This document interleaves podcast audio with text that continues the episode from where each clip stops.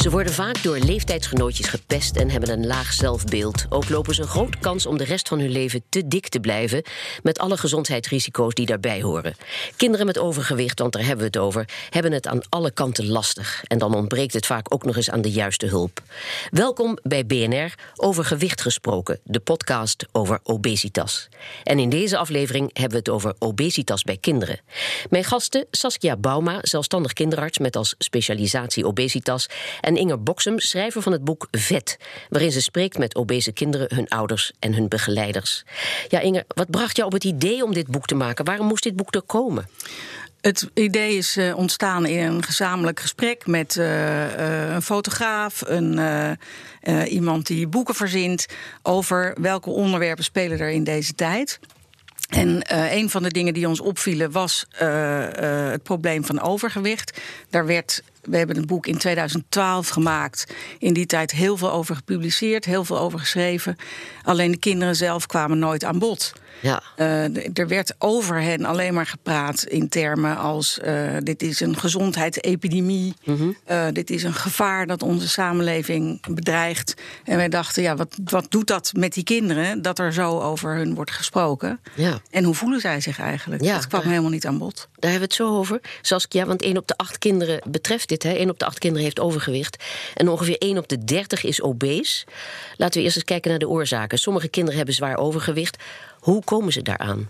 Ja, dat is. Uh, dat is heel ingewikkeld, want dat mm -hmm. is voor elk kind ook heel erg individueel bepaald. Ja. Um, we weten dat sociaal-economische factoren een grote rol spelen, onze maatschappij een grote rol speelt, gezinsfactoren een rol spelen, maar ook kindfactoren. Um, en het is voor ieder kind heel verschillend wat het kind uit balans brengt, want dat mm -hmm. is het uiteindelijk. Het is een uiting van een disbalans van het kind.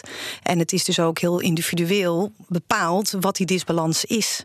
Ja. Maar, maar, waar moet ik dan aan denken als je dat. Nou, als je, als je bijvoorbeeld een, een, een voorbeeld hebt van een, van een, een kind dat um, uh, ouders heeft die. Uh, of een alleenstaande moeder hebt met drie banen.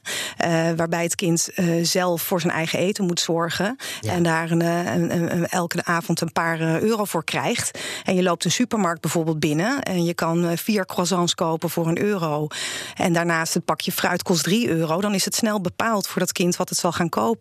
En dat is dan één voorbeeld, maar er zijn er op die Klinkt manier... mij in de oor als een extreem voorbeeld, eerlijk gezegd. Ja, dat is een extreem voorbeeld, maar ik, ik denk, als we kijken bijvoorbeeld in Amsterdam... Mm -hmm. uh, waar ik heel veel kinderen heb gezien, dat het helemaal niet zo heel extreem is. En uh, uh, daar hebben we gewoon eh, heel veel hardwerkende gezinnen. Ja. En ehm, daar is ook het obesitasprobleem het grootst. Eh, maar er zijn ook andere eh, dingen denkbaar. Een, een kind wat leeft tussen twee ouders die bijvoorbeeld in vechtscheiding liggen... Ja, ja. Hè, waar waarin eten je beste vriend wordt. Omdat mm. je dat direct een prettig gevoel geeft.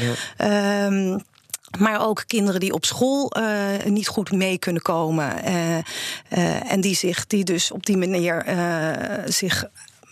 ja, voeding, waarbij voeding ook een troost kan bieden. Ja, um, ja voorbeelden te over wat dat ja. betreft. Wat mij opviel in, in de kinderen die wij hebben gesproken uh, en gefotografeerd trouwens, wat heel stoer van ze was. Ja. Uh, want de meeste kinderen hadden al jaren geen foto's van zichzelf laten maken.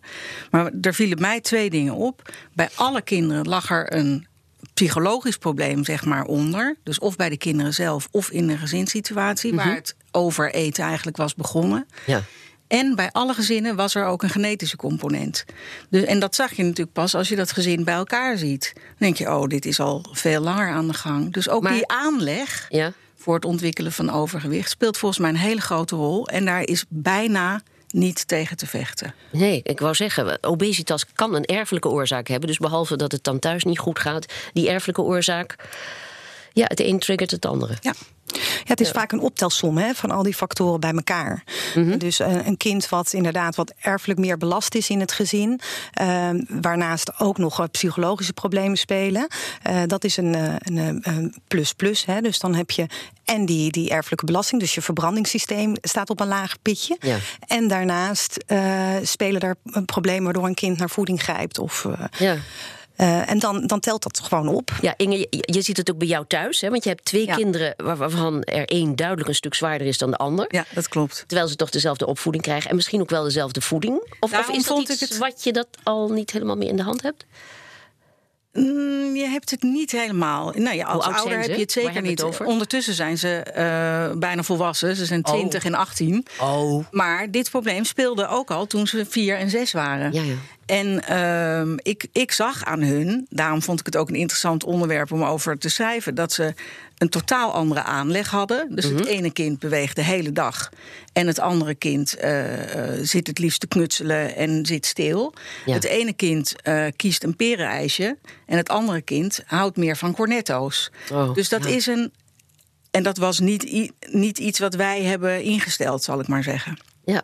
Ehm, we hebben geprobeerd erop te sturen, maar je hebt niet alleen een, een leven binnenshuis. Die kinderen krijgen op een gegeven moment ook een levens buiten, buitenshuis. Ja. En dat is denk ik ook een hele belangrijke fa- factor in dat ontstaan van overgewicht nu. Het is overal alle dagen feest. Ja, maar even over die erfelijke factor. Is, er een, een, eh, eh, is het logisch om te veronderstellen dat eh, een erfelijke factor bij jouw eh, kinderen een rol speelt? Dat speelt een rol. En inmiddels weet ik dat er twee andere dingen ook een rol spelen. Ja. Ik weet wanneer het echt gaan eten om iets weg te eten is begonnen. Dat was op het moment dat zij op school merkte dat ze heel erg dysle- dyslectisch was. Ja. Dus daar voel je je heel dom en onhandig door. Daar is het mee begonnen. En ze heeft een slaapstoornis, we hebben on- ondertussen ontdekt. En dat is dus een medisch gegeven. Want ehm, je stofwisseling en je waakslaapritme zitten op dezelfde plek. Ja, ja. Dus dat is ook moeilijk te sturen. Ja, Saskia, we weten welke gezondheidsrisico's obese volwassenen lopen. Hè. 30 maal hogere kans op diabetes 2, meer kans op hart- en vaatziekten en op 13 soorten kanker. Dat is niet gering. Welke risico's lopen kinderen? Nou ja, bij kinderen begint dat hele proces al hè, van, van, van aderverkalking eigenlijk. Hè. Dus we kijken nu heel erg naar de volwassen Ja. mensen. Hè. We weten dat de diabetes type 2 en hoge bloeddruk... dat dat enorm effect heeft op hun hartvaten en op Mhm. aderverkalking. Maar wat we weten ook uit heel veel studies die gedaan zijn bij kinderen... met andere modellen, waaronder eh, onder andere het hoge cholesterol... het erfelijk hoge ro- cholesterol bij kinderen... weten we dat kinderen al beginnende stadia hebben van aderverkalking. En we weten inmiddels dat dat ook het geval is bij de kinderen die veel te zwaar zijn. Dus dat hele proces dat begint gewoon op, op die kinderleeftijd. Maar wat nou het mooie is van een kind, is dat een kind qua breinontwikkeling en, en eh, heel makkelijk of makkelijker is om te, te, te draaien. Dus het gedragsveranderingen. allemaal nog in ontwikkeling, Ja, het ja. is allemaal nog in ontwikkeling. Ons brein is in ontwikkeling tot ons 25ste. Ja. Dus dit is met name een groep waar we heel veel aandacht aan moeten besteden. Ja. Dus dat zijn de kinderen waarvan we zeggen van ja, laten we daar bovenop zitten en met die kinderen in gesprek gaan wat zij nodig hebben om de balans in hun leven te vinden. En Ja. dat is precies eh, wat jij ook zegt. Eh, per kind is die balans anders. En je Ja. kunt dat dus ook niet met elkaar vergelijken. Dat is ook eigenlijk altijd wat ik tegen ouders zeg. Die zeggen van nou, het, het kan niet aan mij liggen. Het moet allemaal genetisch zijn. Want mijn ene kind, we doen allemaal hetzelfde. Ja. Maar we kunnen dus niet elk kind op dezelfde manier benaderen. We, eh, En dat is het moeilijk wat opvoeders natuurlijk Ja. hebben. Inge, bij dikke kinderen, ook in jouw boek, hè, gaat het heel vaak over pesten. Ja. Wist je dat dat zo erg was? Nou, ik, ik ben echt me rot geschrokken over eh, de consequenties die dat overgewicht heeft op hun eh, eh, welzijn. Het, het, het bepaalt hun hele leven. Ja. Er waren kinderen bij die niet meer buiten speelden. Er waren kinderen die elke dag als ze naar school moesten gingen overgeven. Eh, er was veel fysiek geweld toegepast bij die kinderen. En ik heb onlangs een van de eh, meisjes die in het boek voorkomt nog gesproken. En zij is nu, ze is dus ondertussen 19, eh, onder behandeling voor PTSS in de gezondheidszorg. Zo beschadigd is ze geraakt door die jarenlange pesterijen. ja. Ja, en die stigmatisatie vindt dus niet alleen plaats bij kinderen onderling, maar ook zorgverleners, hè, die onbedoeld meestal, maar ook stigmatiseren als het gaat om overgewicht. Oh, op welke manier dan? Nou, gewoon omdat hun hele houding, en dat ziet en voelt een kind, is van ja, weet je, als je nou maar minder eet en als je nou maar meer beweegt, Ja, ja. een beetje het hele oude model. Ja, waar jij we echt van af moeten. enzovoort. Ja, Ja, ja, ja, ja. Dan, hè, of, of ga maar naar een diëtist, dan wordt het daar wel opgelost, want dan leer je wel minder eten. Ja. Ehm, ehm, dat voelt een kind aan alles. En daar, Ja, en daar raak je kinderen dus ook aan kwijt. Hè? Dus Ja. dat is ook het probleem. Dat als je een keer zo'n negatieve ervaring hebt met een zorgverlener, Hm. kijk je wel beter uit als puber. Hè? Dan eh, hou je afstand. Ja, zeker. Dus eh, er is nog een hoop te doen. Want Inger, in jouw boek staat een eh, onderzoek beschreven hè, van kinderen aan wie wordt gevraagd om andere kinderen op een feestje uit te nodigen. Ja. Daaruit blijkt ook weer hoe kinderen elkaar eh, ja, weten te raken. Want vertel, hoe verliep dat onderzoek? Wat Ehm, kwam het daar? was een onderzoek waarbij eh, kinderen drie soorten foto's van andere kinderen werd getoond. Eh, de ene groep foto's eh, betrof eh, gewone, gezonde, gemiddelde kinderen, zal ik maar zeggen. De tweede groep foto's waren kinderen met een duidelijk zichtbare fysieke handicap. Ja. En de derde groep foto's waren kinderen die overgewicht hadden. Ja. En als dan aan de proefpersonen werd gevraagd wie ga je uitnodigen op je feestje, Mhm. eh, wilden ze allemaal de gemiddelde kinderen. Als er werd gezegd die groep is niet beschikbaar, wie kies je dan? Dan waren het allemaal de kinderen met een fysieke handicap. En wat moet ik me daarbij voorstellen? Nou, bijvoorbeeld kinderen die in een rolstoel zaten, Ja, ja, of kinderen die blind waren. Heel duidelijk. Ja. Heel duidelijk. Als er aan die kinderen werd gevraagd waarom kies je de eh, kinderen met overgewicht niet? Mhm. Nou, die zijn dom, die zijn lui, ze zijn vervelend. Daar werden hele negatieve kwalificaties. eh, Ja, en ze zijn schuldig Aangegeven. aan hun eigen probleem. Hè? Ze hebben Ja. een eigen, ze, het is eigen schuld, dikke bult een beetje. een Ja. van de jongens uit mijn boek die we toen hebben geïnterviewd, die is inmiddels heel erg afgevallen. Ja. En die, eh, daar vroeg ik aan, wat heeft het betekend? Hij zegt, de hele wereld is veranderd. ja. Voor Is dat die hele zijn- eigenzinnige jongen? Die. Ja, dat denk ik wel. ja. Tigo heet hij. Ja. Hij zegt, cashiers zijn aardig tegen mij. Ik Ja, kan ja. een gesprek met meisjes voeren... zonder dat ze het na één zin afkappen. Ach, ja. Ja. Ja. Maar je sprak ook met de ouders van de kinderen die je interviewde. En je vroeg aan sommigen of ze zich verantwoordelijk voelden voor het overgewicht van hun kind. Wa- Wat kreeg je voor antwoorden? Ze voelden zich allemaal heel erg verantwoordelijk voor Mhm. het overgewicht. Omdat het inmiddels natuurlijk ook heel veel invloed had op hun kind. En ik denk niet dat er veel ouders zijn die graag willen... dat hun kind aan overgewicht lijdt. Ja. Dat wil niet zeggen dat ze zich ook allemaal schuldig voelden. Mhm. Ehm, in sommige gevallen was dat ook. Nou, ik denk eigenlijk dat het in alle gevallen volkomen terecht is. Je hebt niet alles in de hand en soms ben je ook niet in staat om alles te bieden aan je kind wat het nodig heeft. Nee, dus eh, ze, ze constateerden wel, of jij constateerde dat ze eh, wel tekortgeschoten waren. Ik vind dat moeilijk hoor. Ik, nou, ik heb het eigenlijk bij al Nou ja, die mensen met niet. de beste bedoelingen, bedoel het niet stigmatiserend bedoeld, maar Nou, het leven is heel erg ingewikkeld. En ehm, voor sommige mensen is het veel ingewikkelder dan voor andere mensen. En het Mhm. eh, zorgen dat je eh, een, een gewoonte verandert, het handhaven van discipline, het consequent blijven, is in een gewone opvoeding al ontzettend veel moeite en kost heel veel energie. En zeker op dit gebied. Mhm. Ja. En heel veel ouders die ik heb gesproken, hadden hun energie ergens anders voor nodig. Ja. Ook ergens anders voor nodig. Dat is ook wat ik heel erg herken hoor. In de, in de praktijk. Dat, je, dat, dat ouders echt wel willen. Want geen enkele ouder kiest ervoor om een te zwaar kind te hebben. Nee. Geen enkele ouder kiest er ook voor om zelf te zwaar te zijn. Ehm, maar eh, soms lukt het gewoon niet. Ik denk ook dat er bij eh, sommige mensen echt een gebrek aan kennis is. Dat zag je ook in het eh, leefstijlprogramma wat een aantal van de kinderen uit mijn boek volgde. ja. Daar kregen de ouders ook les in nou, hele basale voedingsleer. Dus wat voor voedingsstoffen zitten er in welk product. En in sommige gezinnen was het zo dat daar echt een gebrek aan kennis was ook. Dus die waren daar heel erg mee geholpen. ja. En daar werden ook de resultaten van eh, geplukt? Daar werden zeker de resultaten van geplukt, ja. Ja, ja, ja. Ja, maar toch eh, wordt het ouders vaak verweten hè, als het kind ernstig overgewicht heeft. Dat- Ja, ja, dat is zeker. Ja. En dat maakt soms ook de drempel om naar om zorg te zoeken of hulp te zoeken heel groot. Hè? Mhm. Want ik moet het eerst zelf oplossen. Het ligt bij mij het probleem. Dus als ik het probleem nou maar oplos, maar kom er nog niet aan toe. Terwijl het is gewoon niet zo simpel. En eh, dit, is, dit is echt jaren 70, 80 Ja. retoriek. Hè? Van ja, het probleem ligt bij de ouders. Maar deze kinderen en ouders hebben gewoon hulp en steun nodig. En met hulp en steun kan er gewoon heel erg veel. Ja. En is het mogelijk om, om de balans in het kind en in het gezin terug te brengen?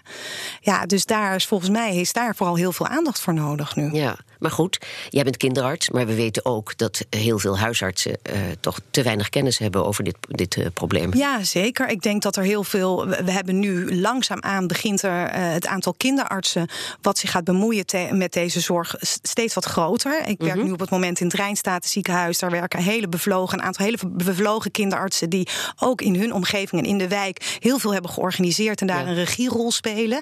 Ja, en dat moet steeds verder Dat uitgebreid is een nieuwe worden. ontwikkeling, want het was niet populair. Nou, het is niet populair. Nee, het is Nee, niet populair niet. om als kinderarts je te bemoeien met kinderen met obesitas. Niet Maar- elk ziekenhuis heeft een kinderarts die zich daar bijvoorbeeld in gespecialiseerd heeft of in verdiept heeft. Maar hoe komt dat? Waarom niet? Nou, we zijn als dokters natuurlijk heel erg gewend om iets te kunnen oplossen. Ja. We zijn heel pragmatisch opgeleid. We hebben een probleem en dat lossen we op.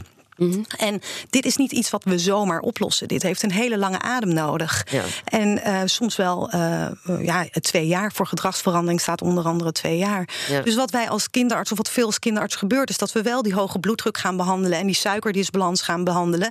Maar dat er dat, dat systeem er omheen veranderen, waardoor je eigenlijk kan voorkomen, of, of, of, want het is allemaal nog omkeerbaar, dat we daar gewoon ook geen tijd voor hebben. Ja, maar was het tot nu toe ook te weinig bekend? Ik denk wel dat de laatste jaren, en daar helpen natuurlijk de collega's Marie, Mariette Boon en Lisbeth van Rossum heel erg hard aan mhm. mee. Er veel van uh, het boekje ja, Vet Belangrijk. Ja, dat we gewoon steeds In meer onze aandacht... vorige aflevering nog even, dames en heren. Ja, ja. dus dat we daar steeds meer uh, uh, duidelijk wordt dat de schuld niet alleen maar bij ouders zit en dat het niet van het pontje en het mondje is, maar dat er ongelooflijk veel factoren een rol spelen. En dan wordt het, denk ik, als we dat ons realiseren, ook voor kinderartsen en andere hulpverleners interessanter om daar energie en tijd in te steken. Ja.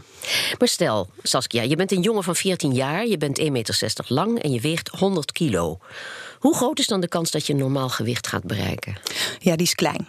Hm. Zeker in op de, hoe het op dit moment georganiseerd is. Het kan wel, hè, maar dan heeft dat zo'n kind gewoon hele, eh, hele strakke begeleiding nodig. Maar hoe bedoel je? Hoe, uh, zeker gezien hoe het, het op dit moment georganiseerd is? Nou, ik denk dat het te versnipperd nog is. Hè. We zijn mhm. heel hard bezig hoor om de ketenzorg. En er zijn, uh, zijn proeftuinen in, in Nederland gemaakt. Er zijn een aantal gemeentes die daar heel hard op inzetten.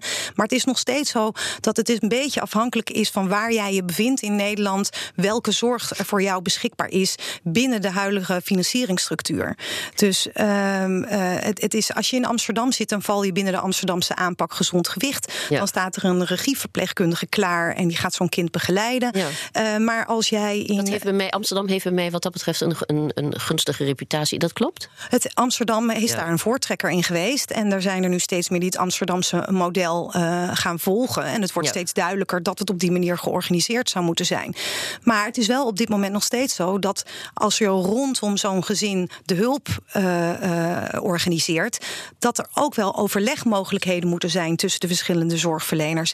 En daar is gewoon geen tijd voor geregeld. Ja, ja. dus daar hebben we gewoon geen tijd voor. Ik heb als kinderarts geen tijd om, om te praten met die verpleegkundigen of met die diëtisten om te zien wat ik zie. Ja. en ik, ik, het is voor mij als, als kinderarts dus ontzettend frustrerend dat ik een kind eigenlijk maar één keer in de nou half jaar, vier maanden zou mogen terug zien. Dat ik denk dat ik een beetje voel waar het probleem zit. Eh, dat ik verwijs en dat ik er na een half jaar bijvoorbeeld achter kom dat zo'n kind nooit is aangekomen. En juist die eerste jaren zijn voor mij echt cruciaal. Omdat, wat ik al zei. Die... Maar, maar, waarom mag je dat niet vaker? Dat is, uh, de, de, medische nou, dus noodzaak is er toch? De medische noodzaak is er. Alleen de, de tijd die we daarvoor hebben is gewoon heel erg beperkt. Ja, dus de DBC-structuur heeft daar bijvoorbeeld een probleem. Wordt wel nu ook hard aan gewerkt. Er wordt bijvoorbeeld nu hard gewerkt om ook die leefstijlcoaching voor kinderen te krijgen. Het is heel bijzonder. Hè? We hebben sinds dit jaar mm. leefstijlcoaching in het basispakket voor volwassenen. Maar we hebben dat nog niet voor kinderen. Dus ik zie wel hele goede stappen die er gemaakt worden. Dus ik denk ook dat het een kwestie van tijd is. Dus in die, in, in die zin ben ik hoopvol. Maar voor dat kind van 16 van 100 kilo nu, op dit moment, um, uh, is het moeilijk. Ja, terwijl toch, het is investeren in de toekomst. Hè? Want het is, het is heel urgent. We weten ook uit onze vorige aflevering dat je vetcellen aanmaakt tot ongeveer je twintigste levensjaar. En dat je daar dan voor de rest van je leven mee moet doen. Hè. Die vetcellen worden groter of kleiner, maar in aantal blijven ze gelijk. En dat worden er nooit meer, maar het worden er ook niet minder. Nee. Ja, dat is toch een heel verontrustende boodschap. Dat dikke kinderen, als het hen niet lukt om zeg maar, op tijd af te vallen, dat ze zo jong al veroordeeld zijn tot een levenslang gevecht. Ja, dat is natuurlijk vreselijk. Dat is ook iets waarom ik uh, fijn ben dat we hier nu aandacht aan besteden. Mhm. Omdat dat volgens mij ook een vergeten groep is. Want we zijn nu wel heel hard bezig met keer diabetes 2 om ja. uh, leefstijl als medicijn. Gaat allemaal over volwassenen. Ja. Uh, we zijn op kinderen heel hard aan het inzetten op preventie. Wat natuurlijk heel om erg goed zorgen is. dat ze nooit aan die diabetes ja, toekomen. Ja, en er zijn goede stappen in gemaakt. We, mhm. we, hebben geen billboards meer met snoep in de straat. Er, wordt, er zijn alleen nog maar gezonde scholen, bijvoorbeeld in Amsterdam. Dus er worden geen pauzehapjes en koekjes meer. Dus er zijn op heel veel fronten wordt ongelooflijk hard gewerkt. Maar de groep tieners, die dus die preventie. Dit is een hele grote groep. Dus wat, wat, wat je zei, in Amsterdam zijn het bijvoorbeeld 3000 kinderen. Ja. 3000 kinderen met ernstig overgewicht. Uh, en die hebben andere behoeftes. Maar Daar, ja, daar komen we op dit moment onvoldoende mee uit. Nee, want als je een kind succesvol wil behandelen, hoe moet je dat dan doen? Je moet in ieder geval op tijd zijn, maar verder. Aandacht, heel veel aandacht, rust en tijd. Heel veel tijd en lange adem vooral. Een lange adem. En, en, en, en ze niet opgeven, deze kinderen. Want wat ik zei, de ontwikkeling van het brein gaat door tot je 25ste. Ja. Dus gezonde gewoontes kun je bij kinderen makkelijker aanleren. Maar dan heb je wel met de juiste tools. Dan moet je wel kijken naar wat kan een kind binnen deze gezinsstructuur. In plaats van alleen maar te kijken wat er niet goed gaat. Wat Ja. gaat er wel goed en hoe kunnen we dat uitbouwen? En op welke dagen gaat het wel goed en waarom gaat het op die dagen goed? Kinderen helpen te zoeken naar een nieuwe balans in hun leven. Ja. En- dat, dat klinkt Nou, als, een, als een, een intensief en dus ook een, een duur traject. Hè? Ja. Zit, ja, zit een zorgverzekeraar die zich in ons eh, huidige zorgsysteem alleen maar een eh, korte termijnvisie kan veroorloven. Zit hij daar wel op te wachten of is de trend een beetje aan het keren? Ja, ik, ik, ik, ik, hoop, ik hoop eerlijk gezegd dat die trend keert. Want weet je, we zijn nu, als je kijkt naar het aantal patiënten met diabetes type 2 en hypertensie, hart-vaatziekten, wat dat Ja. aan geld kost in eh, de gezondheidszorg. Dan, Nou ja, ik wou zeggen, dat is dan Ja. toch heel duidelijk wat je ermee kunt besparen. Ja, ja, dat dus is heel duidelijk. meer geld in, dat, in, Ja. die, in, die, eh, in die kinderen. Ja, ja dat, dat, dat, ben ik, eh, dat ben ik helemaal met je eens. Dat daar zeker nu wat mee moet. En ik vind het goed hoor dat we heel hard aan die preventiekant zitten. Maar er zijn altijd kinderen die daarin buiten de boot vallen. Mhm. Ja. En dat zijn gewoon wel de diabetes type 2 kinderen van de toekomst. Ja. En die zullen dus heel hard leunen op dat zorgbudget ook. Ja. Inge, kwamen de kinderen die jij sprak snel bij de juiste zorgverleners terecht? Of was dat toch nog een hele hobbelige weg? Het was een hele hobbelige weg. En in die zin is het eh, een probleem misschien nog wel ernstiger dan eh, eh, Saskia nu schetst. Want zij is kinderarts. Dus Ja. op het moment dat de kinderen bij haar komen, is het eigenlijk al te laat. Kinderen gaan natuurlijk eerst naar de huisarts. En Ja. de gewone stap is volgens mij huisarts-diëtist. Ja. Nou, die eerste stap, daar kan echt heel veel in gewonnen worden. Mhm. Ik heb van alle ouders gehoord die ik heb gesproken dat ze al vier diëtisten hadden versleten. Die allemaal hetzelfde lijstje aan voedingsmiddelen Ja. meegaven en zeiden: zoek het maar uit. Die kinderen weten echt wel dat ze geen heel pak eh, koekjes op moeten eten. Maar ook daar is een gebrek aan vakkennis? Daar is een gebrek aan vakkennis. Er wordt helemaal geen aandacht aan besteed. Althans, in 2012 in de opleiding. Ja. Hoe je met kinderen eh, eh, met overgewicht om moet gaan. De diëtist die in het programma zat, die ehm, eh, ik heb gesproken, die zei: ouders besteden meer tijd aan het zoeken van een vakantiehuisje dan aan een diëtist die bij hun kinderen past. Oh ja. Dus ouders kunnen beter kiezen, maar diëtisten moeten eigenlijk ook anders opgeleid worden. Ja. Ja, en iets, Want ook is, iets. ik bedoel, zeg maar, de erfelijke factoren, zijn ze daar voldoende van op de hoogte? Want het is ook altijd hetzelfde, het dieet en, en toch altijd weer die, die schuld. Hè? Van als je dat niet volhoudt, ja, dan. dan. Ja, nou, het is zelfs zo erg dat het, het meisje waar ik het net over had, die staat nu op de nominatie voor maagverkleining, over Ja. kosten gesproken. En die moet om die operatie aan te kunnen ook weer afvallen. Dat lukt haar slecht. Ja. En dan had de diëtiste ook tegen gezegd: wil je die operatie eigenlijk echt wel? Ja, Ja, ja ik moest, ik moest echt heel erg zuchten toen ik dat Ja, dat hoorde. snap ik. Maar Ja. ook daar zie ik wel veranderingen in. Ik zie wel dat, dat, dat de publieke opinie daarin wel verandert. Ik Mm. zie wel dat er diëtisten komen die zich meer voedingscoaches noemen. En meer gaan Ja. kijken van wat past er in een gezin. Want dat is wat er nodig is. Hè. Dus ik ben wel, wat dat betreft, hoop ik wel dat eh, alle aandacht die we daar nu aan besteden, dat daar ook bij diëtisten een, een verandering, een omslag is. Ja. Ehm, ik zie dat wel gebeuren. Ik zie wel maar dat. toch, het, het probleem wordt nu toch bij de mensen zelf gelegd. Hè? Maar, maar eh, vinden jullie dat terecht? Of is het wat jullie betreft toch een politieke kwestie? Ik denk zeker dat we als maatschappij een grote, hele grote rol hebben. Hè? Mhm. Dus er zijn, we weten dat we gewoon niet altijd alle keuzes die we maken helemaal vrijwillig maken. Nee. En dat die ons ook een beetje worden opgedrongen. Of niet een beetje, ze worden ons opgedrongen. Ehm, in, eh, in, in Engeland bijvoorbeeld hebben ze de, de, de suikertax eh, eh, ingevoerd. Ja. En dat heeft echt een heel groot effect gehad. En ja, weet je, ik vind het, ik vind het gewoon schrijnend dat als je een supermarkt binnenloopt, dat je een, een, een, bakje eh, meloenschijfjes voor 3 euro koopt. Ja. En dat je daarnaast gewoon eh, croissants eh, voor 4 euro voor een euro, vier voor een euro kan kopen. Ik heb Ja. gesproken met een supermarktmedewerker en die zei van ja, er komen hier gewoon 's ochtends kinderen binnen voordat ze naar school toe gaan. Die, die snijden vier van die croissants weg. Ja. En die bakjes fruit, wat ze minstens zo lekker vinden, maar wat gewoon simpelweg te duur is, dat laten ze liggen. Ja. Ja, moeten we dat willen met z'n allen? Ik, ik denk dat we er niet heel veel gelukkiger van worden. Ja. Inge, aan jou dezelfde vraag. Eh, Dat probleem wat nu bij de Ik mensen... denk niet dat de politiek alles op kan lossen, maar wel een veel grotere rol kan spelen dan ze de afgelopen ja, ik jaren wou zeggen, lossen ze nu gedaan. niet heel weinig op. Heel weinig. Ja. Ehm, het is natuurlijk zo dat op elke plek waar je komt, momenteel wordt het eten je aangeboden. Ja. Dus zelfs eh, als de politiek zich ermee gaat bemoeien, blijft dat volgens mij heel ingewikkeld. De hoeveelheid feestdagen En eh, partijtjes en afscheiden en beginnen is hand over hand toegenomen. Voor kinderen is het echt alle dagen feest. Ja.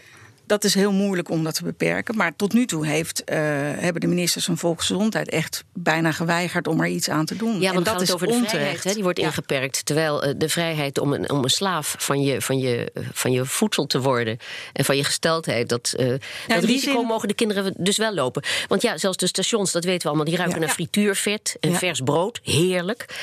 En we weten ook, sinds de vorige aflevering ook weer, Hm. dat je lichaam daar zelfs, eh, ook als je geen honger hebt, daar toch op gaat reageren. Hè? Dat er- Zeker, je Jij weet precies honger. welk hormoon, hoe doet het ook alweer? Ja, Van dat die zijn, zes- dat, dat zijn de hormonen die onder andere ook in je, in je maag worden aangemaakt. En door- Ja. via je geur je hersenen worden aangestuurd. En er komt acuut een, een, een hongergevoel, Ja. een knagend gevoel.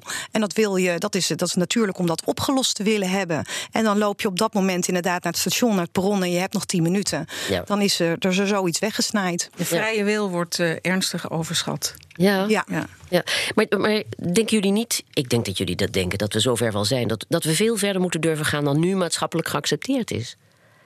Dat denk ik wel. Ik begrijp bijvoorbeeld echt niet hoe het komt dat op eh, heel veel middelbare scholen nog steeds eh frisdrankautomaten staan en snoepautomaten. Ja. Dat vind ik onbegrijpelijk. Ja. Ja. Dat is bijvoorbeeld in Amsterdam eh, heel rigoureus al wel aangepakt. In eerste Ja. instantie bij alle lagere scholen. En dus, ik las nu voor uh, laatst in het parool dat ze zelfs bezig zijn om te kijken dat snackbarren verder van scholen af moeten staan. Hè? Ja. Ehm, dus daar wordt wel, daar wordt wel aan gewerkt. Eh, maar dat kan meer en beter. Ja. Maar we- weet je, volgens mij gaat alles met verandering. En dat is ook onze maatschappij. Dat, dat gaat gewoon langzaam. Mhm. Nou ja, Maar- waar we heel erg tegen, mee te maken hebben, ik roep al jaren in mijn programma betuttelen moet. Eh, ook als een soort, soort truttige term, als, als uitdaging, omdat ik denk dat een heel veel mensen niet tot een keuze in staat zijn. Eh, en wat dat betreft, ja, ik merk zoveel weerstand wat dat betreft. Maar ik denk dat het ook een manier is. Kijk, eh, getallen, cijfers, geld maakt altijd indruk. Het is ook een indrukwekkende manier om ongelooflijk veel leed en ziektekosten te gaan voorkomen. En, en Dat is het arbeidsuitval, zeker. toch? Dat is het zeker. Dat is het zeker. Ja, en wat nog steeds ook een groot probleem is, is dat gezonde voeding ook gewoon duur is. Ja, ook zo idiootje. Ja, het is echt duur. Het is echt duur om gewoon verse groenten te kopen. Ja. En het is veel goedkoper om die, eh, die, die kant-en-klare spullen te kopen. Daar, daar, daar moet iets mee, denk ik. Ja, de markt, hè, daar mag je al helemaal niet aankomen. Ja, ja. Ja, maar wat, wat zouden huisartsen, wat zouden die beter moeten doen? En diëtisten, daar hebben we het al een beetje over gehad. Maar die huisartsen, is ook wel een punt, hè? Ja, eh, volgens mij gewoon veel meer. ehm, eh, die stigmatisatie bij zorgverleners moet er gewoon heel erg veel. Veel meer begrip voor het probleem. Veel meer naast mensen gaan staan. En openingen zoeken om het gesprek aan te gaan. Ja. En dat is ook eigenlijk wat ik me tegen, tegen mijn collega's altijd zeg. Wij als kinderartsen leven met groeicurves. Wij zetten elk kind altijd in een groeicurve. We kijken naar de lengte, we kijken naar het gewicht. Als je nou ziet dat een kind voor een astmaprobleem komt of voor een ander probleem. En je ziet dat het eigenlijk te zwaar is, Ja. benoem het. Bespreek het. Kijk of er een, een, een, een, ingang is om het gesprek aan te gaan. En, en doe dat op een, op, een, op een manier die recht doet aan, eh, aan, aan ouders en kinderen. En, en, Ja. en bied ze hulp aan.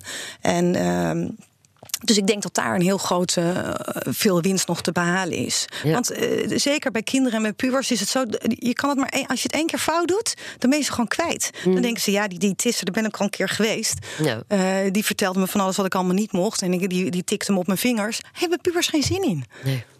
Inge, jouw boek is nu eh, zeven jaar oud, hè? maar sommige kinderen heb je kort geleden nog gesproken. Vertel. Ja. Is het hen gelukt om eh, gewicht te verliezen? Je vertelde al even iets over Bianca, die een maagverkleining eh, wil. En dan zegt de diëtiste als ze nog een paar kilo moet afvallen, het lukt niet van wil je eigenlijk wel afvallen? Dat is Ja. natuurlijk een afgrijzelijk voorbeeld. Ja. Maar zijn er ook successen te melden? Hoopgevende voorbeelden? Ja, er zijn ook kinderen die echt wel zijn afgevallen. En ze zullen nooit slank worden. Maar dat is denk ik wel belangrijk om je te realiseren. Je gaf net het voorbeeld van iemand van 14 die 100 kilo weegt. En Wordt dat ooit nog een, een gemiddeld gewicht? Waarschijnlijk niet.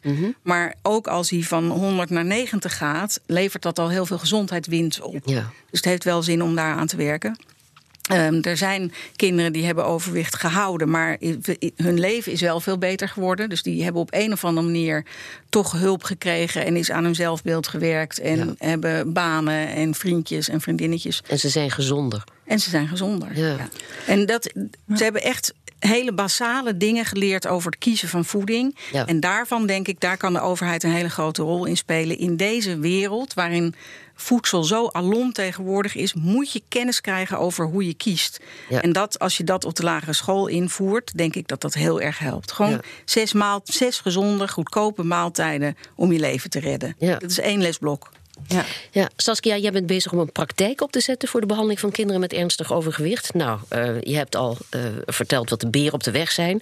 Dus ik ben benieuwd, hoe gaat die praktijk eruit zien? Hoe ga je dat redden? Ook met die verzekeraars en met alle beperkingen die jij nu, waar je nu op Ja, sluit. nou ja, dat wordt, een, dat wordt een hele uitdaging. Maar eh, ik heb besloten dat ik het ga doen. En dat ik zie wat er op mijn pad gaat komen. Ik Mhm. hoop natuurlijk dat uiteindelijk verzekeraars zullen aansluiten. Maar als ze dat niet doen.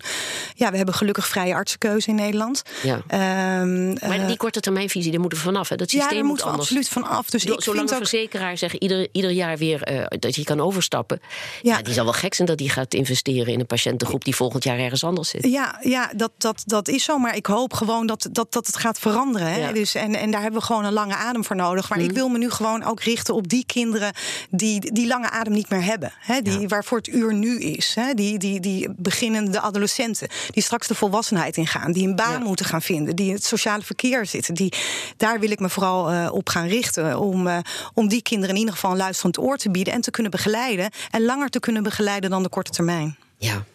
En hoe dat financieel gaat lopen, dat wordt, dat wordt de uitdaging. Ja, nou, het lijkt me handig om, eh, dat gaan we in deze serie podcasts ook doen, om te praten over eh, wat het allemaal kost op de werkvloer, bijvoorbeeld.